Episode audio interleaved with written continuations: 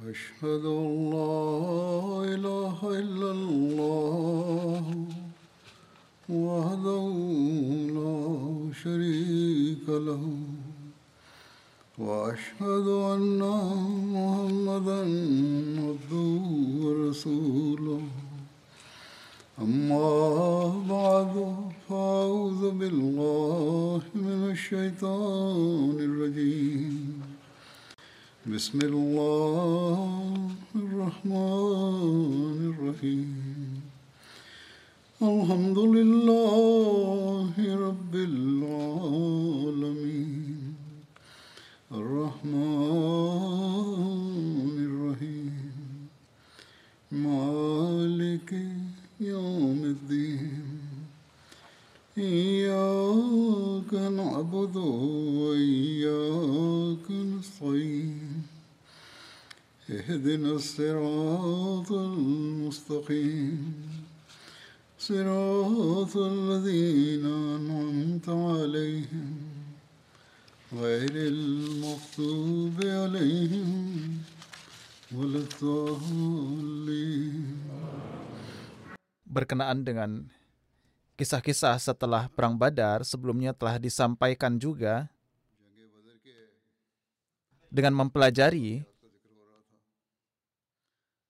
peristiwa-peristiwa dan peri kehidupan ini kita menjadi tahu tentang kehidupan dan akhlak yang mulia Rasulullah SAW dan pada saat yang sama kita juga mempelajari fakta-fakta sejarah. Dan jika seseorang mempelajari sejarah secara rinci maka ia dapat mengetahui riwayat-riwayat yang salah yang telah memberikan gambaran palsu tentang Islam kepada orang lain. Para penentang Islam memanfaatkan kejadian ini untuk memfitnah Islam. Di sisi lain, Muslim yang garis keras memanfaatkan hal ini untuk mencapai tujuan mereka. Alhasil, peristiwa yang akan saya sampaikan hari ini yang pertama adalah peristiwa Umar bin Wahab yang melakukan perjalanan dari Mekah ke Madinah setelah perang Badar untuk membunuh Hazrat Rasulullah SAW dan membalas kekalahan kaum musyrikin.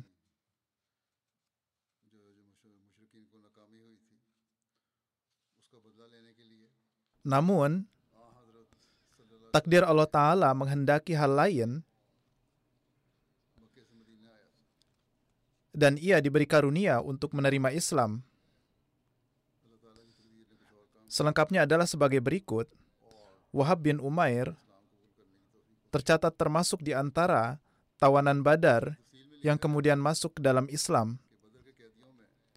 Rifa'ah bin Rafi memenjarakannya. Ayahnya, Umair bin Wahab, adalah salah satu pemimpin suku Quraisy yang telah menimbulkan penderitaan yang luar biasa terhadap Nabi Muhammad SAW dan para sahabatnya di Mekah.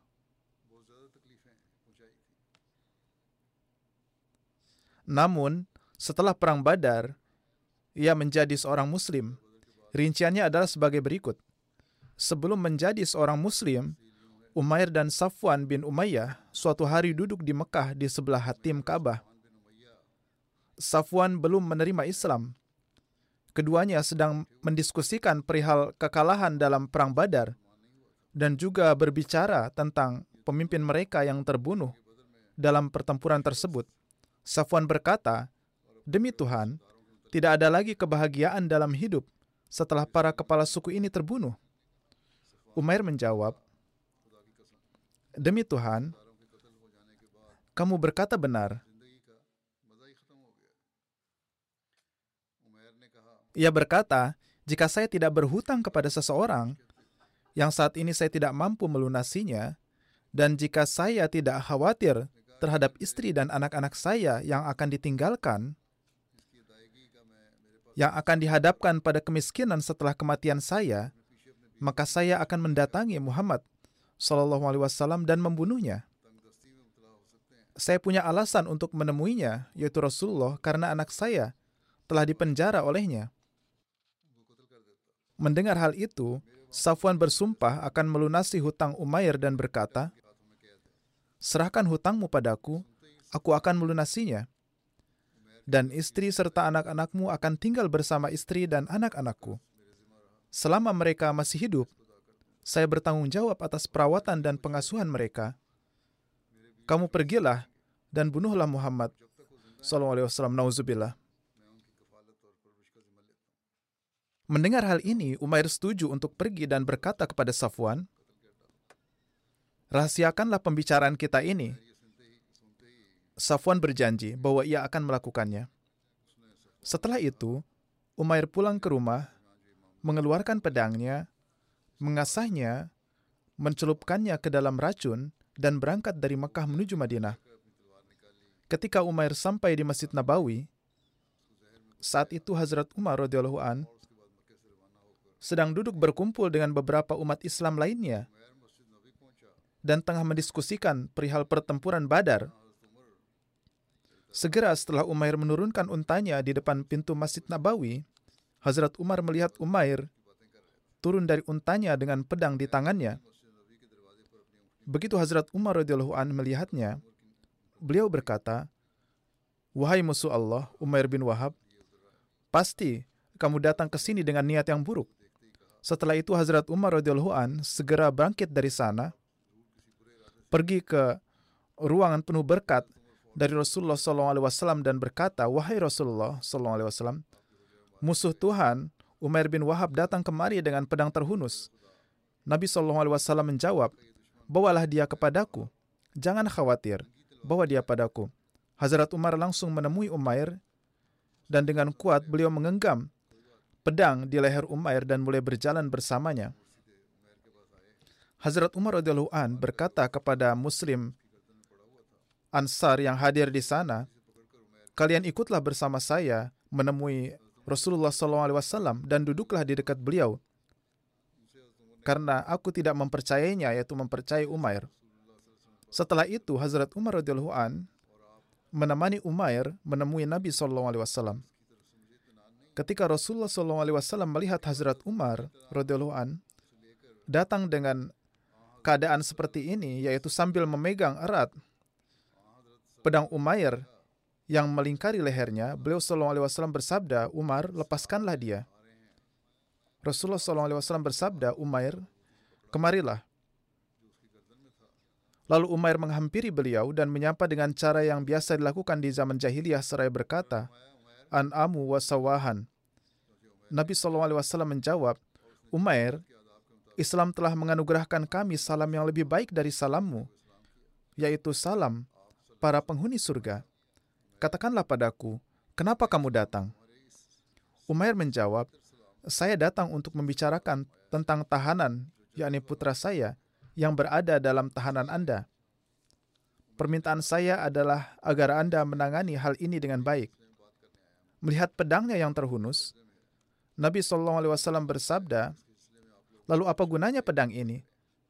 Umar menjawab, semoga Tuhan menghancurkan pedang ini. Sudahkah Anda meninggalkan kami dalam keadaan layak?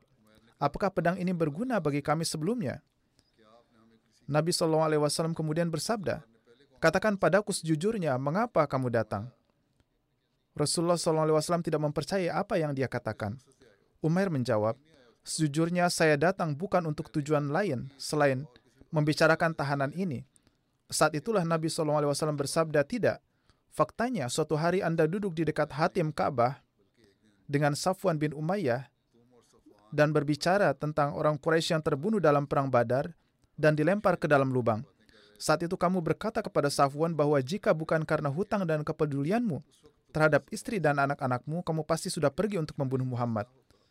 Safwan setuju untuk melunasi hutangmu dan bertanggung jawab atas istri dan anakmu dengan syarat kamu membunuh saya. Umair segera membalas, Allah Ta'ala pasti telah memberitahu Rasulullah SAW bahwa semua ini terjadi. Disebutkan dalam riwayat ini bahwa Umair langsung menyatakan, Aku bersaksi bahwa engkau adalah utusan Allah.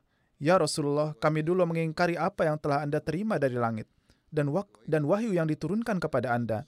Adapun berkenaan dengan hal ini, Saat itu tidak ada seorang pun yang hadir di hatim Ka'bah selain aku dan Safwan. Dan tidak ada seorang pun yang mengetahui percakapan kami. Oleh karena itu, demi Tuhan, demi Tuhan tidak ada seorang pun selain Allah Ta'ala yang dapat memberitahukan hal ini kepada Anda. Segala puji bagi Allah yang telah membimbing kami menuju Islam dan memberikan taufik kepada saya untuk mengikuti jalan ini. Umair kemudian membacakan kalimat syahadat. Kemudian Nabi Shallallahu Alaihi Wasallam bersabda kepada para sahabat, ajari saudaramu tentang agama dan Al-Quran dan bebaskan tawanan itu. Para sahabat segera mengamalkan berdasarkan nasihat tersebut. Hazrat Umair radhiyallahu an kemudian berkata kepada Rasulullah SAW, Wahai Rasulullah, saya menghabiskan seluruh waktu saya untuk mencoba memadamkan cahaya Allah dan dengan gencar menganiaya orang-orang yang telah menerima agamanya. Sekarang saya ingin agar Anda mengizinkan saya pergi ke Mekah untuk mengajak orang-orang di sana menuju Allah dan mengajak mereka masuk Islam. Mungkin Allah Ta'ala akan memberi petunjuk kepada mereka. Jika tidak, maka saya akan menyiksa mereka karena mereka menyembah berhala, sama seperti saya menyiksa Anda dan teman-teman Anda karena masuk Islam. Rasulullah SAW kemudian mengizinkan beliau pergi ke Mekah.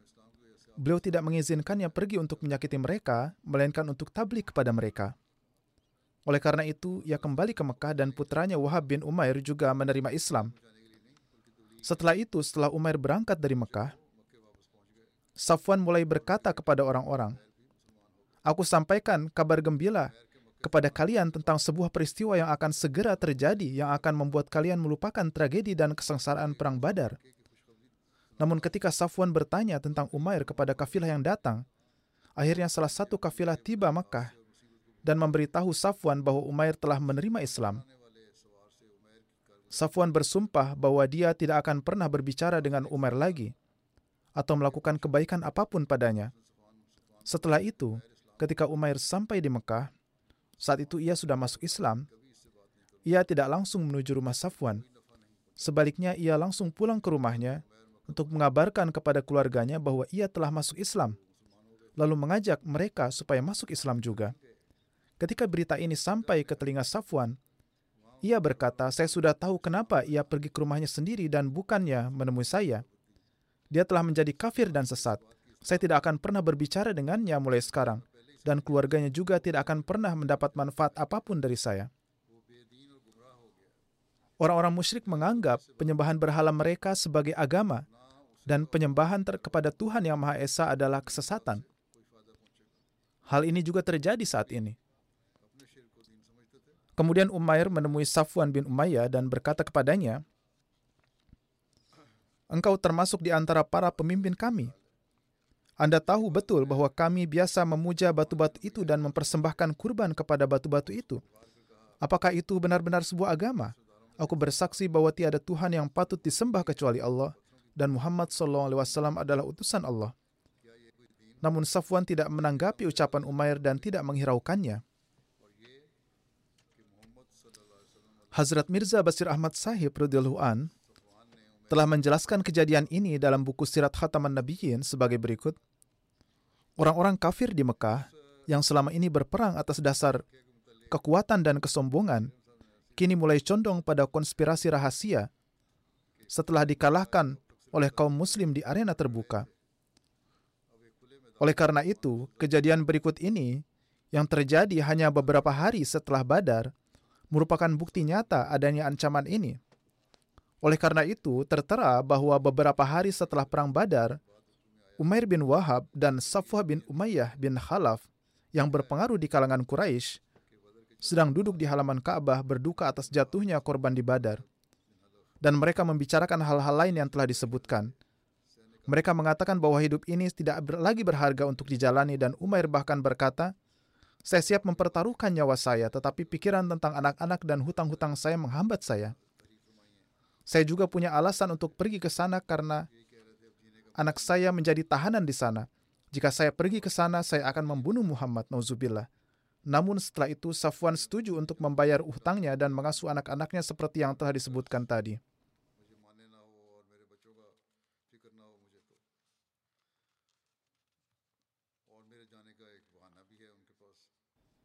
Alhasil, Safwan setuju untuk membayar hutangnya dan mengasuh anak-anaknya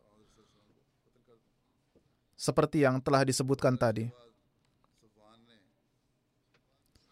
Selanjutnya, Hazrat Mirza Basir Ahmad Sahib menulis, Umair kemudian mencelupkan pedang ke dalam racun dan berangkat dari Mekah.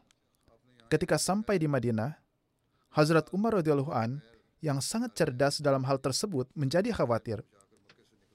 Beliau segera menemui Rasulullah SAW dan memberitahu beliau bahwa Umair telah datang dan Hazrat Umar dan Hazrat Umar khawatir mengenai hal ini. Rasulullah SAW memerintahkannya untuk membawa Umair. Hazrat Umar radhiyallahu an pergi membawa Umair. Namun sebelum berangkat, beliau mengatakan kepada para sahabat bahwa beliau akan membawa Umair untuk bertemu dengan Nabi SAW. Namun saya meragukan niatnya. Untuk itu kalian harus ikut pergi dan duduk bersama Nabi SAW dan tetap waspada. Setelah itu, Hazrat Umar radhiyallahu an membawa Umair dan tiba di hadapan Nabi sallallahu alaihi wasallam. Rasulullah sallallahu alaihi wasallam dengan ramah meminta Umair untuk duduk di sebelahnya dan bertanya, "Apa yang membuatmu datang Umair?" Umair menjawab, "Anak saya telah dijadikan tawanan di tangan Anda. Saya datang untuk meminta pembalasannya." Rasulullah sallallahu alaihi wasallam bersabda, "Lalu mengapa kamu menggantungkan pedang ini di bahumu?" Ia menjawab, "Apa yang Anda minta dari pedang? Apakah pedang-pedang ada gunanya bagi kami di Badar?" Ia mencoba menjawab dengan kata yang cerdas. Rasulullah SAW mendesak, katakanlah yang sebenarnya, mengapa kamu datang? Seperti yang baru saja saya sebutkan, katanya. Saya datang untuk meminta pembebasan putra saya. Rasulullah SAW bersabda, kalau begitu, seolah-olah kamu tidak membuat konspirasi. Konspirasi dengan Safwan di halaman Ka'bah. Nabi SAW mengisyaratkan rencana tersebut. Umair terkejut namun berhasil menenangkan diri dan berkata, saya tidak melakukan konspirasi seperti itu. Rasulullah SAW bersabda, apakah kamu tidak bersekongkol untuk membunuhku? Tapi ingat, Tuhan tidak akan memberimu kemampuan untuk menyentuhku. Umair merenung dalam-dalam dan berkata, Anda mengatakan yang sebenarnya, kami sebenarnya bersekongkol seperti yang Anda katakan. Namun sepertinya Tuhan menyertai Anda yang telah memberitahu Anda tentang niat kami. Karena tidak ada orang ketiga yang hadir di antara kami saat itu, yaitu ketika saya dan Safwan mendiskusikan masalah ini. Mungkin Allah mewujudkan rencana ini untuk membuat saya beriman. Saya beriman kepada Anda dengan hati yang tulus. Rasulullah SAW senang dengan bayatnya Umair dan berkata kepada para sahabat, Sekarang dia adalah saudaramu. Ajari dia ajaran Islam dan bebaskan tawanannya. Oleh karena itu, Umair bin Wahab radhiyallahu an menjadi seorang muslim dan tidak lama kemudian ia mengalami kemajuan yang nyata dalam keimanan dan keikhlasannya. Pada akhirnya ia menjadi begitu terpesona oleh cahaya kebenarannya sehingga ia mendesak Nabi SAW untuk mengizinkannya pergi ke Mekah sehingga ia di sana bisa bertablik kepada orang-orang di Mekah. Rasulullah SAW memberi, memberinya izin dan setelah mencapai Mekah, ia secara diam-diam membayatkan banyak orang melalui tabliknya yang sungguh-sungguh. Hari demi hari, Safwan menunggu dengan cemas untuk mendengar berita pembunuhan Nabi SAW dan akan memberitahu kaum Quraisy untuk mempersiapkan kabar baik namun ketika ia menyaksikan pemandangan sebenarnya ini, ia kehilangan akal sehatnya. Setelah Perang Badar, ada juga sebagian orang yang masuk Islam. Namun kenyataannya mereka adalah orang-orang munafik. Di antaranya adalah Abdullah bin Ubay bin Sulul. Allah Ibnu Katsir dalam menafsirkan ayat ke-9 dan 10 surat Al-Baqarah menulis, setelah kejadian Badar, ketika Allah Ta'ala menganugerahkan keunggulan kepada kalimat Allah, menghormati Islam dan umat Islam, Abdullah bin Ubay bin Sulul yang merupakan pemimpin Bani Khazraj dan di era jahiliyah adalah pemimpin suku Aus dan Khazraj yang ingin memerintah rakyat, yaitu mereka ingin menjadikan Abdullah bin Ubay sebagai pemimpin. Dalam salah satu riwayat disebutkan, bahwa kaumnya bahkan telah mengangkat mahkota dan sedang dalam proses menobatkannya sebagai raja ketika kebajikan justru turun yaitu ketika risalah Islam sampai dan masyarakat menerima Islam dan mengabaikan Ubay bin Sulul. Karena alasan ini, ia membenci Islam dan pengikutnya dari lubuk hatinya. Ketika perang Badar terjadi, ia berpikir bahwa pesan ini mulai mengakar dan menjadi lebih kuat.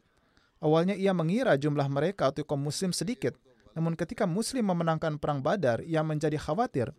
Oleh karena itu, pada lahiriah atau secara zahirnya Abdullah bin Ubay bin Sulul menerima Islam. Begitu juga sekelompok pengikutnya bayat masuk Islam. Beberapa di antaranya adalah ahli kitab.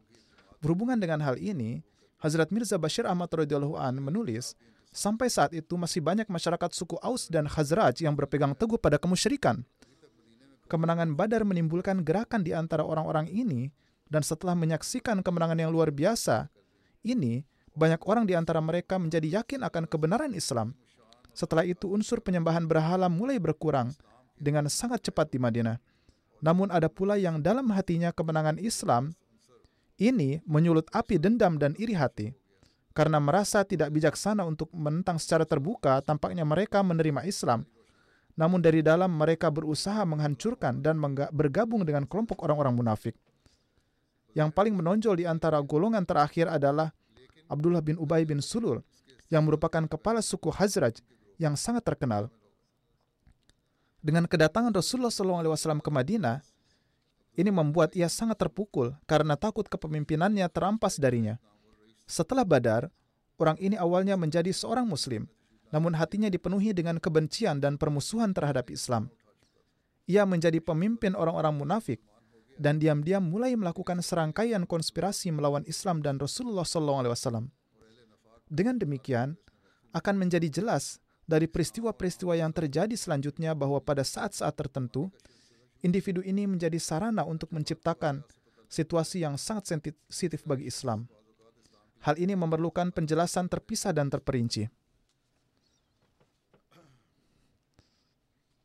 Kemudian Gazuah Banu Sulaim atau Karkaratul Kudur, beberapa hari setelah kembali dari Perang Badar, Rasulullah SAW mengetahui berita bahwa anggota Bani Sulaim dan Bani Gatfan telah berkumpul di Karkaratul Kudar dan bersekongkol untuk melancarkan serangan ke Madinah.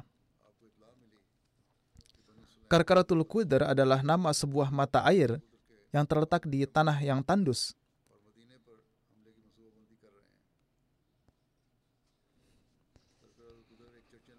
Daerah ini terletak di Najd, di jalur antara Mekah dan Suriah dan berjarak 96 mil dari Madinah.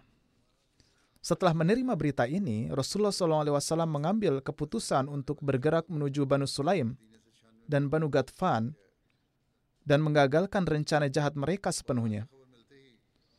Rasulullah SAW membawa pasukan sebanyak 300 orang dan bergerak menuju Karkaratul Qudar.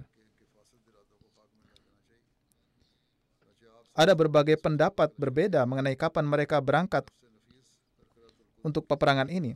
Menurut Ibnu Ishaq, Rasulullah SAW berangkat ke ekspedisi ini pada hari ketujuh sekembalinya dari Perang Badar tahun 2 Hijriah. Pada akhir Ramadan atau awal Syawal. Dalam At-Tabakat karya Ibnu Sa'ad tertulis bahwa ekspedisi Bani Sulaim terjadi pada tanggal 6 Jumadil Ula. Menurut Wakidi, ekspedisi ini terjadi pada pertengahan bulan Muharram 3 Hijriah. Namun, riwayat-riwayat Wakidi biasanya lemah Ekspedisi ini dipimpin oleh Nabi SAW sendiri dan bendera umat Islam berwarna putih, dipegang oleh Hazrat Ali radhiyallahu an. Pada kesempatan itu, Rasulullah SAW menunjuk Hazrat Abdullah bin Ummi Maktum radhiyallahu an sebagai wakil beliau di Madinah. Disebutkan juga bahwa pada kesempatan itu Hazrat Siwa bin Urfatah Gifari radhiyallahu juga ditunjuk sebagai wakil beliau di Madinah. Salah satu penjelasan untuk kedua riwayat ini adalah bahwa Hazrat Siwa radhiyallahu ditunjuk sebagai wakil beliau sallallahu alaihi wasallam untuk menangani masalah-masalah administratif dan seperti halnya pada kasus sebelumnya Hazrat Abdullah bin Maktum radhiyallahu an ditunjuk untuk memimpin sholat. Alhasil, ketika Bani Sulaim dan Bani Gadfan tiba-tiba mengetahui berita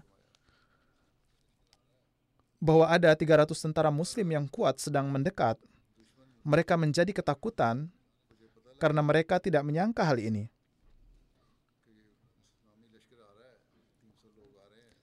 Maka mereka melarikan diri dari sana dan berlindung di puncak gunung. Ketika Nabi SAW bersama pasukannya mencapai lembah Kuder, beliau melihat jejak kaki unta dan juga sebuah waduk. Namun beliau tidak menemukan satu orang pun di antara musuh. Nabi SAW mengutus sekelompok sahabat menuju daerah tinggi di lembah, dan beliau sendiri melanjutkan perjalanan menuju jantung eh, tengah lembah tanpa perlawanan apa pun. Rasulullah SAW bertemu dengan beberapa penggembala suku dan di antara mereka ada seorang yang bernama uh, Yasar. Rasulullah SAW bertanya kepadanya tentang masyarakat, tentang Bani Sulaim dan Gatfan, dan ia menjawab, uh, saya tidak mengetahui tentang mereka. Saya hanya menyediakan air untuk unta-unta. Ada yang diberi air pada hari kelima dan ada pula yang diberi air pada hari keempat. Masyarakat setempat telah naik ke dataran tinggi, pegunungan, tempat sumber air berada. Namun kami tetap memelihara kawanan unta dan tidak terlibat dengan mereka. Karena orang-orang ini datang untuk berperang, dan unta-unta ini adalah bagian dari perbekalan mereka, maka unta-unta dan penggembalanya pun ditawan. Rasulullah SAW tinggal di sana selama tiga malam, dan menurut riwayat lain, beliau tinggal di sana selama sepuluh hari.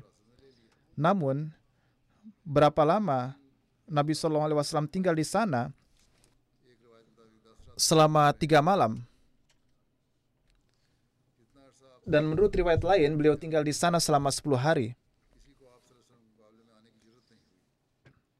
Namun berapa lama pun Nabi SAW tinggal di sana, tidak ada seorang pun yang mempunyai keberanian untuk menghadapi Nabi SAW, maka tanpa terjadi peperangan apa pun, Rasulullah SAW kembali dengan kemenangan.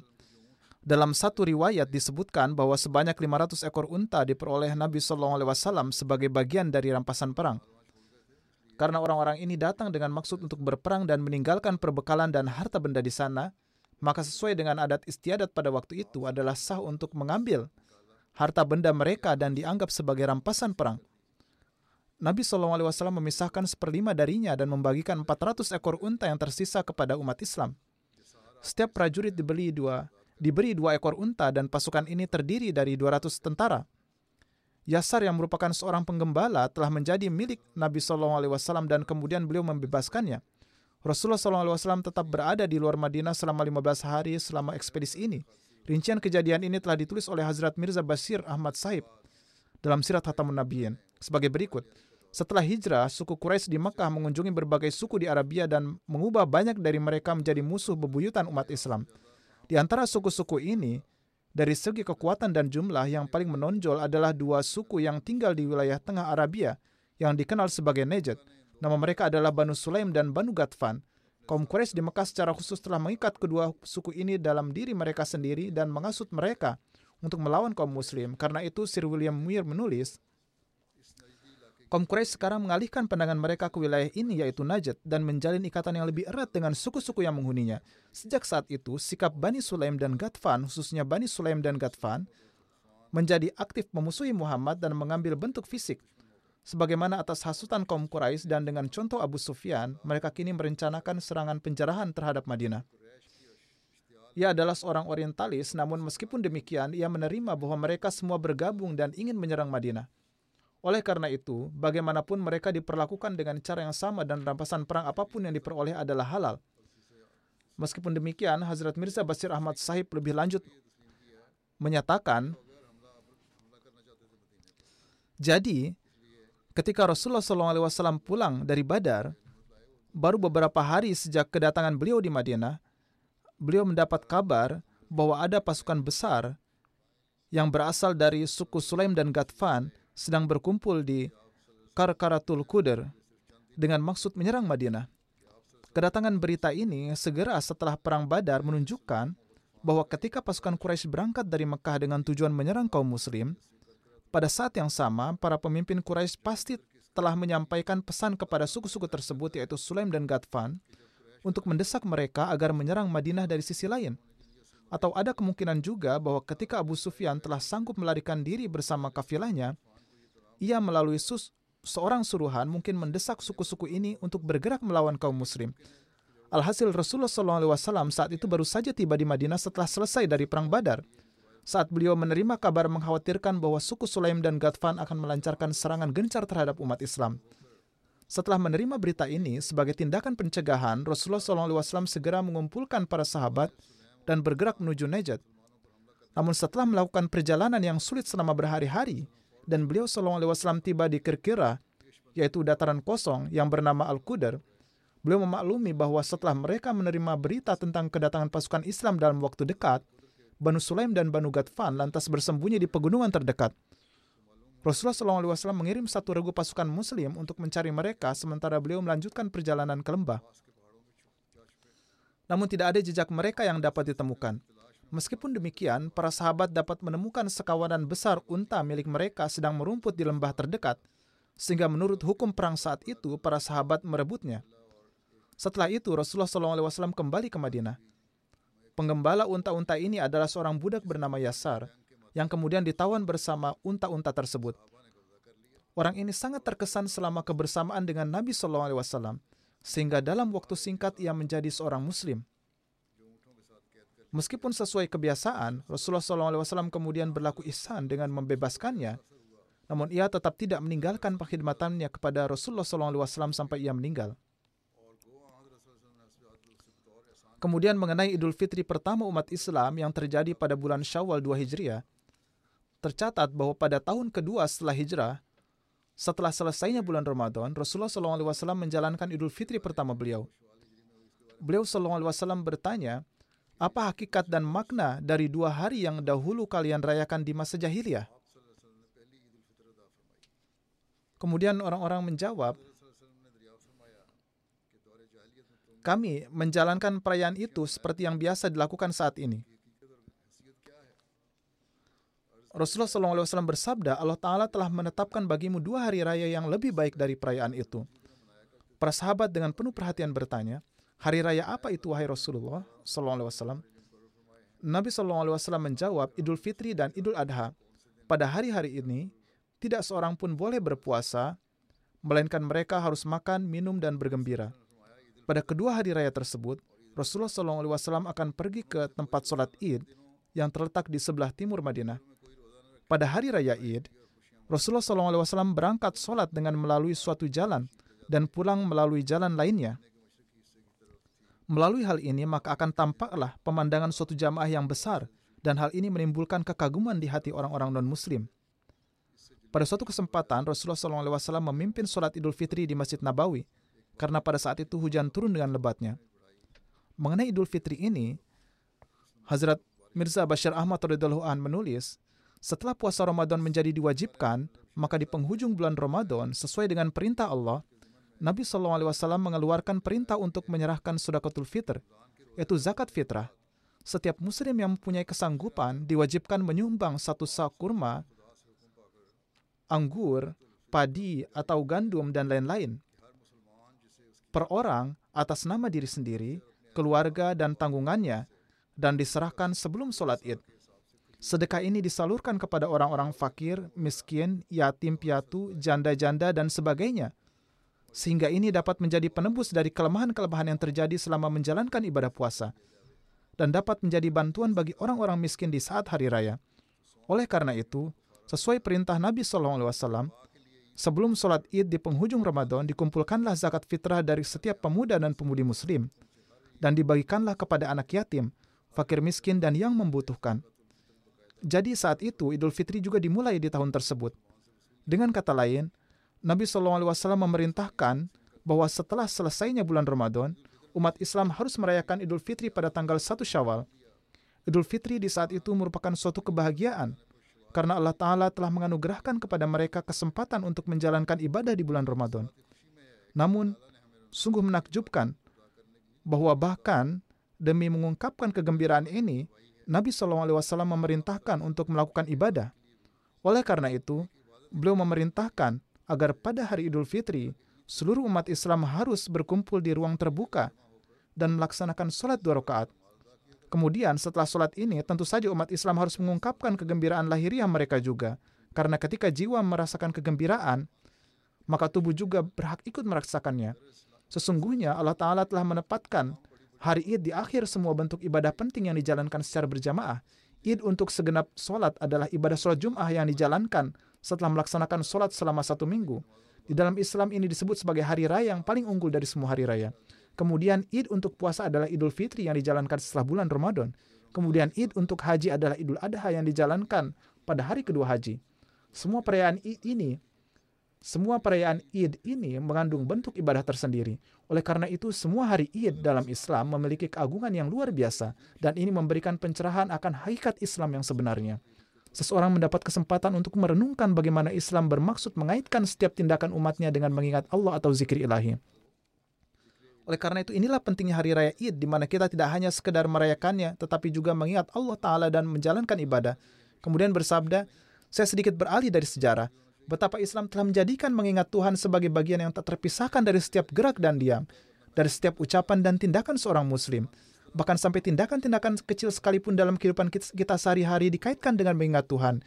Baik itu berdiri atau duduk, tidur atau bangun, makan atau minum, mencuci atau mandi, berganti pakaian, memakai alas kaki, keluar atau masuk rumah, memulai atau kembali dari perjalanan, menjual atau membeli sesuatu, naik atau turun tanjakan, masuk atau keluar masjid, bertemu teman, menghadapi musuh, melihat bulan baru atau pergi menggauli istri. Singkatnya, setiap tindakan dari awal hingga akhir, bahkan saat bersin dan menguap, dalam segala hal dikaitkan dengan mengingat Tuhan. Oleh karena itu, inilah ajaran Islam yang sejati, yaitu selalu mengingat Allah Ta'ala di segala waktu dan dalam segala hal, yang mana ini harus dicamkan oleh setiap muslim yang sejati. Tidaklah mengherankan jika dalam hal ini Tidaklah mengherankan jika dalam hal ini orang-orang kafir di Arab beranggapan mengenai Rasulullah SAW, sosok yang membawa ajaran ini, namun mereka menyebut sebagai sosok yang membuat-buat ajaran Islam ini bahwa beliau telah tergila-gila dengan Tuhan. Hal ini tidaklah mengherankan. Bagi orang-orang duniawi, mereka hanya melihat bahwa beliau tergila-gila dengan Tuhan. Namun siapa saja yang benar-benar memahami hakikat kedatangan beliau, maka mereka tahu bahwa inilah makna hidup yang sebenarnya. Hidup sejati adalah selalu mengingat Allah Ta'ala. Antara terjadinya Perang Badar dan Perang Uhud tertera adanya dua peristiwa yang meragukan. Sekalipun dengan melihat sepintas kejadian-kejadian ini, maka sudah nampak jelas bahwa kejadian-kejadian tersebut hanyalah dibuat-buat saja. Peristiwa pertama adalah pembunuhan Asma binti Marwan. Dikatakan bahwa ia telah dibunuh, dan tentang kejadian ini ada juga yang menyebutkan bahwa Hazrat Umair bin Adi Khidmi yang merupakan sahabat Nabi SAW yang buta yang membunuhnya. Hazrat Umair adalah muslim pertama di antara suku Banu Khidmah. Pada tahun kedua setelah hijrah, ketika tersisa lima malam di bulan Ramadan, tertera bahwa Nabi SAW mengutus Umair bin Adi Khatmi kepada Asma binti Marwan, yaitu seorang wanita Yahudi yang menikah dengan Marsad bin Zaid bin Hisan Ansari, yang kemudian telah masuk Islam. Diduga bahwa perintah untuk membunuh Asma binti Marwan diberikan karena dia telah memfitnah Islam mencaci maki Islam. Inilah yang disebutkan, yaitu bahwa Asma binti Marwan diutus karena dia telah menggunakan kata-kata keji dalam menentang Islam dan bahwa ia telah menghasut banyak orang untuk menentang Nabi SAW dan membacakan puisi karyanya yang penuh dengan cacian. Menurut salah satu riwayat, wanita ini kerap membuang pakaian-pakaian kotor ke Masjid Nabawi. Untuk mendukung cerita ini, disebutkan juga bahwa riwayat dalam riwayat lain bahwa melalui cara ini ia menyakiti Nabi SAW dan, dan umat Islam tertera bahwa Hazrat Umair memasuki umat rumahnya di kegelapan malam. Menurut kejadian ini atas anjuran Nabi SAW. Anak-anaknya saat itu sedang tidur di sekelilingnya dan dia sedang memberi susu kepada salah satu anaknya. Umair memeriksa keberadaannya dan mengambil anak itu darinya. Ia menghunus pedangnya ke dadanya dan menusukkannya ke tubuhnya dengan kekuatan penuh, menembus punggungnya. Setelah itu Umair bin Adi kembali ke Madinah dan melaksanakan sholat subuh bersama Rasulullah SAW. Ketika Nabi SAW selesai sholat dan berdiri, beliau melihat Umair. Nabi SAW bertanya kepadanya apakah ia telah membunuh putri Marwan, dan ia menjawab dengan pasti seraya bertanya, apakah saya akan dituduh melakukan dosa pembunuhannya? Inilah yang kemudian ia tanyakan saat itu. Jadi di satu sisi diriwayatkan bahwa Nabi SAW telah mengutusnya, sementara di sisi lain ia justru bertanya kepada beliau apakah ia akan dimintai pertanggungjawaban atas pembunuhan tersebut. Nabi SAW menanggapinya dengan mengucapkan sebuah perpatah Arab yang tidak lazim dengan mengatakan, Layan fiha unzan. Bahkan dua ekor kambing pun tidak akan bertengkar karena masalah ini. Artinya dibunuhnya perempuan itu adalah masalah sepele sehingga bahkan lawan pun tidak akan keberatan. Tercatat bahwa peribahasa ini tidak pernah diucapkan oleh beliau oleh siapa pun selain Rasulullah SAW. Hal ini hanya ditemukan dalam riwayat yang hanya satu ini. Kendati demikian, setelah kejadian ini, Nabi SAW memberi Umair nama Basir, yang berarti orang yang memiliki penglihatan. Sesungguhnya Hazrat Umar bin Khattab bersabda, perhatikan bagaimana orang buta ini menghabiskan malamnya dalam ketaatan kepada Tuhan.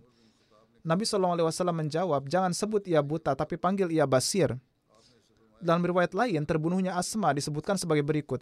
Ketika Nabi SAW menganjurkan bahwa Asma binti Marwan hendaknya terbunuh, beliau bertanya kepada orang-orang, apakah ada orang yang dapat menyelamatkan kita dari wanita ini? Mendengar hal ini, Umair bin Adi berkata, saya akan bertanggung jawab menyelesaikan tugas ini. Setelah itu, ia mendatanginya pada saat ia sedang menjual kurma. Sambil menunjuk kurma di depannya, ia bertanya kepadanya, apakah kamu punya kurma yang lebih baik dari ini? Ia menjawab setuju. Dan kemudian masuk ke rumahnya dan membungkuk untuk mengambil beberapa kurma. Umair menoleh ke kanan dan kiri lalu memukul kepalanya dan membunuhnya. Kemudian Nabi SAW bersabda, jika kalian ingin melihat orang yang menolong Allah dan Rasulnya, lihatlah Umair bin Adi.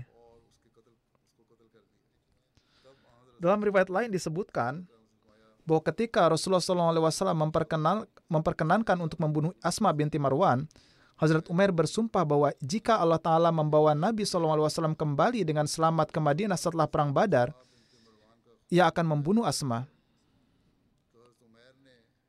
Yakni ia bermaksud membunuhnya setelah Rasulullah SAW kembali dari pertempuran Badar. Oleh karena itu, ketika Rasulullah SAW kembali ke Madinah setelah menang di Badar, Hazrat Umair pergi ke rumah Asma dan membunuhnya untuk memenuhi sumpahnya. Menurut riwayat lain, ketika Hazrat Umar kembali lagi ke tempat Asma setelah membunuhnya, saat itu putra Asma sedang menguburkan ibunya bersama sekelompok orang lainnya. Saat melihat Umair, mereka bertanya apakah ia sedang telah membunuhnya. Ia mengiyakan dan kemudian berkata, Fakiduni jami'an summala tanzurun. Maksudnya kalian semua berusaha melawanku dan janganlah melawanku dan janganlah surut dalam upayamu. Aku bersumpah demi dia yang berkuasa atas jiwaku, bahkan jika kalian semua bersatu dan mulai mengucapkan kata-kata yang diucapkan wanita ini, aku akan mulai menebas leher kalian semua sampai aku mati syahid atau mengirim kalian ke neraka. Sejak saat itu Islam lalu Sejak saat itu Islam lalu menyebar di suku Banu Khidmah karena sampai saat itu orang-orang yang menerima Islam dari antara mereka masih harus menyembunyikan keimanan mereka. Alama Suhaili menulis bahwa yang membunuh Asma adalah suaminya, yaitu yang telah muslim. Dalam istiab mengacu bahwa Hazrat Umar ter, Mengacu tentang Hadrat Umar, tertulis bahwa ia juga membunuh saudara perempuannya karena ia sering mencaci Nabi SAW. Namun dalam Al-Istiab tidak disebutkan siapa nama adik Umair. Jadi inilah keseluruhan kisah yang tertera. Peristiwa ini disebutkan dalam beberapa kitab sejarah, namun tidak disebutkan dalam enam kitab hadis sahih atau beberapa kitab hadis terpercaya lainnya. Kenyataannya adalah tidak hanya sebagian orang yang di kemudian hari memasukkan kejadian-kejadian yang dibuat-buat seperti itu ke dalam kitab-kitab mereka, namun mereka bahkan mulai menggunakan sebagai pembenaran atas perlakuan mereka terhadap siapa saja yang menurut mereka menista Nabi SAW. Inilah tepatnya yang dilakukan para ulama saat ini. Mereka mengambil contoh ini dan menggunakan sebagai dan menggunakannya sebagai dalil yang mendukung sikap mereka dalam membunuh siapa saja yang menurutnya menodai Nabi SAW. Padahal tidak ada hukuman seperti itu dalam syariat Islam bagi yang menghina Nabi Shallallahu Alaihi Wasallam dan tidak pula kisah itu memiliki kebenaran di dalamnya. Misalnya ketika kita mengkaji secara tajam akan kejadian ini, menjadi jelas bahwa pertama riwayat ini adalah daif atau lemah dari segi asanat atau keasliannya, dan Alamah Al-Bani telah menjadikannya sebagai riwayat yang maudu atau dibuat-buat. Oleh karena itu, dalam bukunya Silsilatul Ahadid Daifah wal Maudu'ah, Allama Nasruddin Al-Albani menulis bahwa salah satu perawinya adalah Muhammad bin Umar Wakidi yang merupakan seorang pembohong dan pemalsu. Dan Ibnu Mu'in telah menyatakan dia sebagai seorang pembohong dan pemalsu, serta periwayat yang daif atau lemah. Selain itu, dari segi dirayat atau menganalisa secara akal sehat, justru banyak pertanyaan yang muncul. Misalnya bagaimana sahabat bisa sampai ke rumah wanita tersebut sendirian padahal dia buta?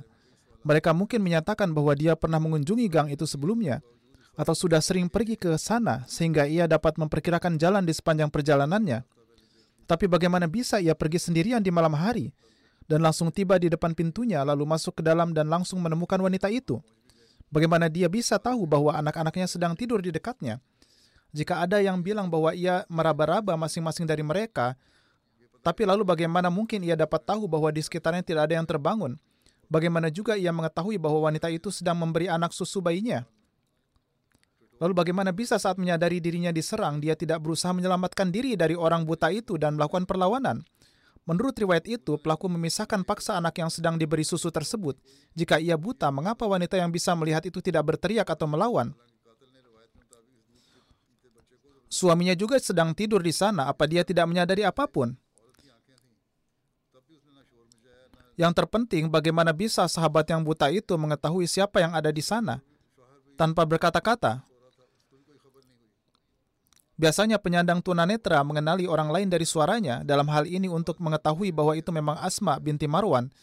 Dalam riwayat lain juga disebutkan, bahkan ada versi berbeda dari kisah ini bahwa ketika wanita tersebut masuk ke dalam untuk mencari kurma, tertera bahwa sahabat itu melihat sekeliling tetapi tidak melihat apa pun. Hal ini perlu direnungkan karena sahabat itu adalah buta. Bagaimana dia bisa melihat sekeliling dan bagaimana dia bisa mengatakan bahwa dia telah melihat sekeliling dan dia tidak melihat siapa pun? Apakah dia dapat melihat kurma-kurma yang ada di sana agar ia dapat dikatakan bahwa kurma-kurma tersebut belum matang? Seseorang bisa mengatakan bahwa dia meras merasakannya dengan tangannya dan itu bisa diterima. Tapi itu masih menyisakan pertanyaan bagaimana ia melihat sekelilingnya. Dalam salah satu riwayat tercatat bahwa ketika sahabat pergi menemui Nabi Shallallahu Alaihi Wasallam setelah membunuh wanita tersebut dan memberitahunya tentang hal ini, beliau kembali ke tempat yang sama dan menemukan anak laki-laki wanita tersebut menguburkannya. Ini juga merupakan sesuatu yang perlu dipertimbangkan. Bagaimana mungkin ia baru saja membunuhnya dan dalam waktu sesingkat itu putranya, putra-putranya datang untuk menguburkannya dan semua urusan diselesaikan dalam waktu sesingkat itu. Selain itu ada beberapa penelitian yang dilakukan dari sudut pandang kami yang akan saya sebutkan ada kejanggalan lain yang membuktikan kejadian ini fiktif dan dibuat-buat. Sebagian besar riwayat menyebutkan nama wanita tersebut adalah Asma binti Marwan, padahal menurut penulis Al-Istiab ia bukanlah Asma, melainkan ia adalah saudara perempuan Umair binti Adi. Kedua, dalam sebagian besar kisah, tertera bahwa yang membunuhnya adalah Umair bin Adi, namun ada pula kisah lain yang menyebutkan Amr bin Adi. Sedangkan menurut Ibnu Duraid, nama yang menyerang adalah Gismir. Menurut riwayat yang lain, tidak ada nama penyerangnya. Melainkan ada seorang dari suku wanita tersebut yang membunuhnya ketika ia sedang menjual kurma. Menurut Ibnu Sa'ad, ia terbunuh di waktu tengah malam, sedangkan dalam riwayat Zarkani tercatat terjadi pada siang atau malam hari. Karena menurut riwayat, yang menjadi sasarannya adalah ia yang tengah berjualan kurma pada saat itu. Terdapat juga perbedaan mengenai bagaimana kejahatan tersebut dilakukan, apakah ia dicekik, perutnya ditusuk dengan belati, apakah ia dibunuh dalam pada malam hari saat dia tidur, atau apakah dengan dalih membeli kurma darinya lalu ia diikuti ke rumahnya dan kemudian dicekik.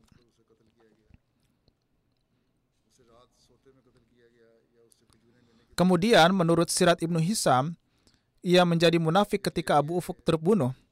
Hal ini menunjukkan bahwa ia sebelumnya adalah seorang muslim dan menjadi munafik ketika mendengar tentang terbunuhnya Abu Ufuk. Jika ia adalah seorang muslim sebelumnya, lalu bagaimana dia bisa menulis puisi yang mencaci maki Nabi SAW dan menodai masjid? Berdasarkan riwayat Wakidi, Umair berkata, Ya Allah, aku bersumpah demi engkau, jika aku kembali ke Madinah bersama Rasulullah SAW, maka aku pasti akan membunuhnya namun menurut buku daerah Ma'arif Sirat Muhammad Rasulullah SAW dia adalah buta sehingga dia tidak bisa ikut serta dalam perang Badar. Terkait dengan kejadian inilah penulis yang sama menyebutkan pernyataan Wakidi bahwa meskipun buta ia tetap ikut berjihad. Mereka sendiri justru yang membuat-buat riwayat palsu ini. Jika kejadian ini tidak nyata dan hanya dibuat-buat, lalu mengapa kitab-kitab sejarah seperti Tarikh At-Tabari, Tarikh Ibnu Kasir, dan lain-lain tidak menyebutkannya? Peristiwa ini hanya disebutkan sekilas dalam kitab-kitab tertentu seperti At-Tabakat, Al-Kubra, karya Ibnu Sa'ad, dan lain-lain. Ada pula yang menyebutkan secara singkat kejadian ini, namun Wakidi menyebutkannya secara rinci.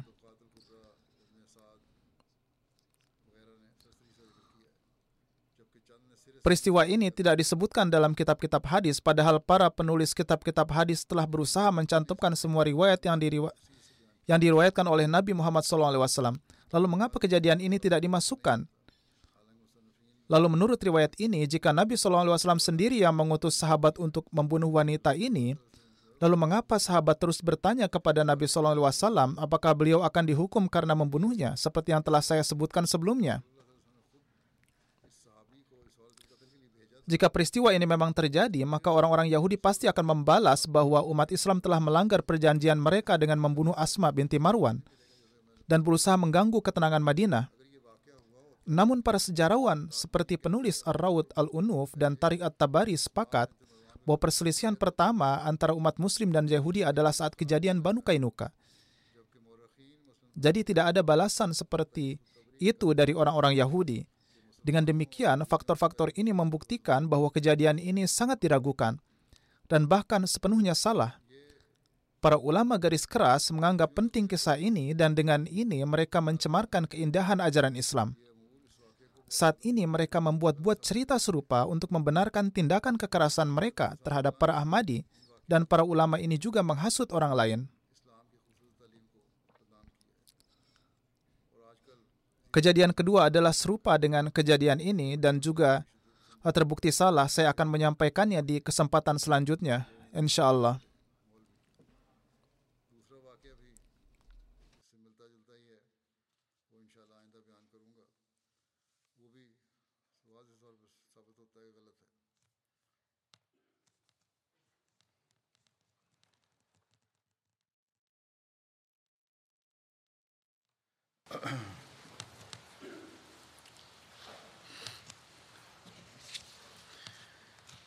الحمد لله الحمد لله نحمده ونستعينه ونستغفره ونؤمن به ونتوكل عليه ونعوذ بالله من شرور انفسنا ومن سيئات اعمالنا من يهده الله فلا مضل له ومن يضلله فلا هادي له.